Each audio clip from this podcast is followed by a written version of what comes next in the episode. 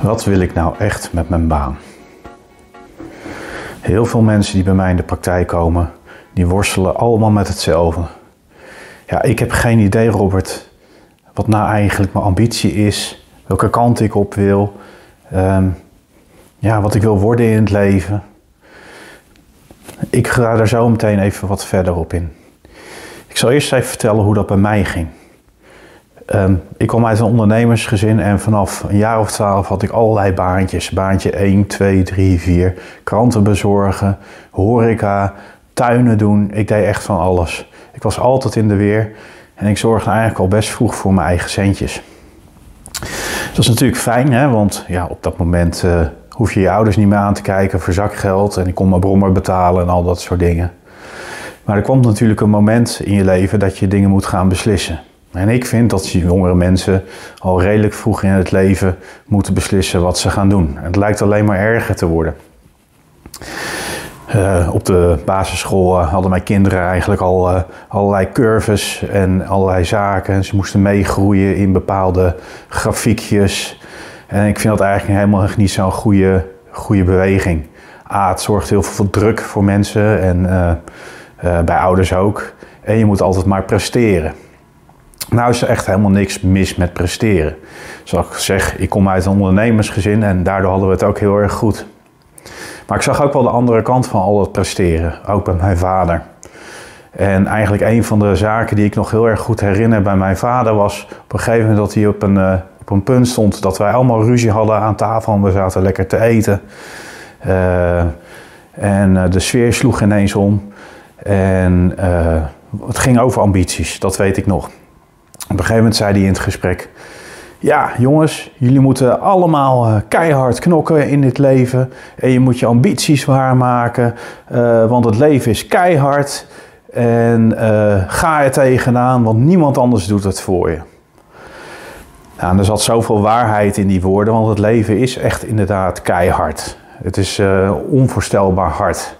En je moet ook voor jezelf knokken en je moet voor jezelf opkomen. En je moet zorgen dat je je centjes uh, verdient. En uh, in sommige gevallen komt daar ook een concurrentiestrijd bij kijken. Uh, dus het is een ongelofelijke red race waar we met z'n allen in zitten. En dat lijkt ook alleen maar erger te worden. Nou, nog even verder over mijn verhaal. ik ging de, natuurlijk daar naar luisteren en ik ging hard knokken en ik werd zelf ook ondernemer. En ik ging een uh, fantastisch bedrijf opzetten, wat ik 15 jaar heb gehad. met uh, veel mensen, met een goede omzet, met een rijk leven, om het zo maar eens te zeggen. Maar goed, ik wist eigenlijk nog steeds niet wat ik wilde worden. En ik had inmiddels ook al in mijn leven een baantje of 14 gehad. En op een gegeven moment kom je natuurlijk op een punt in je leven, zo rond je 40 dat je er echt over na gaat denken. En eigenlijk werd het bij mij steeds donkerder en donkerder hoe meer ik erover na ging denken. En ik ging het ook allemaal in hokjes plaatsen. Wil ik nou wel ondernemer zijn? Uh, wil ik nou wel in deze industrie zitten? Uh, en ga je ook vraagtekens op een gegeven moment bij jezelf zetten. Ben ik hier wel goed genoeg in? Uh, doen we het wel goed genoeg? presteren we wel genoeg? Zijn we wel hard genoeg aan het innoveren? moeten we niet dit of moeten we niet dat? En dat is ook vaak het punt waar het bij mensen helemaal fout gaat. En ze zichzelf ook helemaal vast kunnen lullen of vast kunnen denken. En dat is eigenlijk ook een beetje mijn moraal van deze, van deze video. Is um, probeer het niet altijd voor jezelf gelijk een weg te bedenken naar de oplossing. Van ja, dan zal ik wel dit of dan zal ik wel dat. En ga eens even bij jezelf na of het nou zo erg is dat je het niet weet. Sommige mensen gaan het namelijk nooit weten. Want die hebben gewoon eigenlijk niet die ambitie om iets te worden uh, wat ze bijvoorbeeld uh, op jonge leeftijd hadden bedacht. Of het is gewoon hun pad niet. Of ze je kennen de juiste mensen niet. Of hun hart geeft het gewoon niet in. En wat ik eigenlijk tegen al die mensen wil zeggen is: probeer iets meer naar je gevoel te luisteren. Kijk, op het moment dat je uh, ambitie in het leven is om gewoon kinderen op te voeden.